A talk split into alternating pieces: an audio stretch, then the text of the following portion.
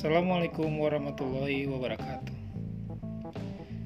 Perkenalkan saya Irvanus Destavino, CPNS Bawaslu Unit Puslikbang Diklat, sekaligus peserta latsar angkatan 10 yang berada saat ini di kelompok 3.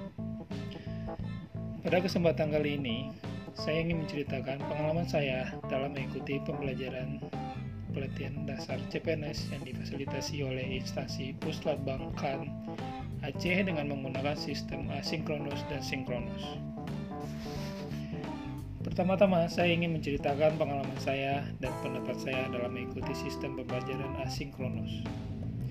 Selama saya mengikuti sistem pembelajaran sinkronus, saya merasa sangat terbantu dan mudah untuk mengikuti materi yang ada karena materinya sangat lengkap dan detail.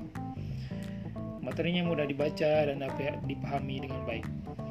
Saya dapat mengikuti dan membaca materi dengan mudah, kapan saja dan di mana saja. Sistem ini sangat cocok dengan kondisi saat ini, yaitu kondisi pandemi COVID-19 yang mengharuskan kita tidak boleh berinteraksi secara langsung untuk menghindari penyebaran pandemi virus.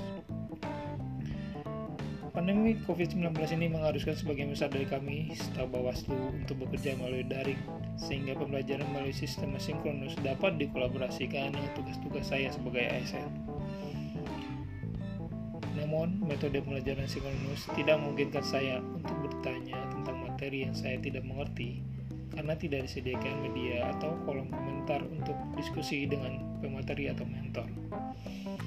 Sehingga terkadang saya tidak mengerti secara keseluruhan pada saat saya membaca materi asinkronus. Memang metode pembelajaran ini secara tidak langsung memantik motivasi diri peserta untuk lebih mandiri karena tidak adanya jadwal yang rigid sehingga memunculkan pemikiran bahwa kemajuan diri akan terwujud dengan keinginan dalam hati yaitu untuk terus belajar tanpa henti. Selanjutnya mengenai pengalaman saya dalam mengikuti metode pembelajaran sinkronus. Dengan mengikuti mengikuti metode sinkron ini saya lebih gampang memahami materi karena bertatapan muka dengan materi. Saya dapat bertanya apabila ada materi atau bahan lasar yang tidak saya mengerti kepada Bapak Ibu pengajar.